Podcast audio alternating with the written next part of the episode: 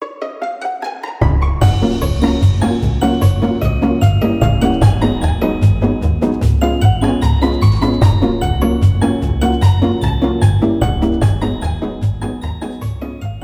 jeg heter Kristin, Og jeg heter Ragnhild.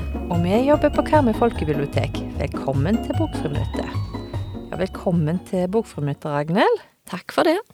I dag så har du med deg ei bok.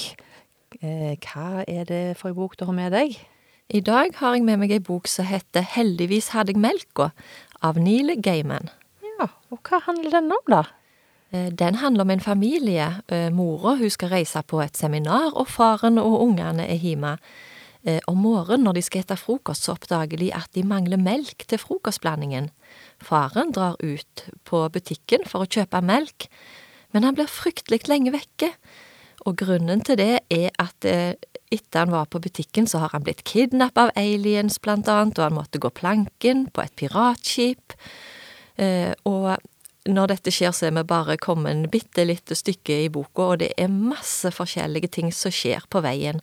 Men heldigvis så hadde han jo melka eh, til ungene. Men jeg kan jo ikke røpe alt som skjer her, da. Nei, det kan du ikke, da må de lese den sjøl. Men hva var det du likte med denne boka? Det er jo det at det er veldig mye humor, og det er nye ting og overraskende ting som skjer hele tida. Og så er det veldig fine tegninger. Ja, og hvem er det du tenker at denne boka vil passe for?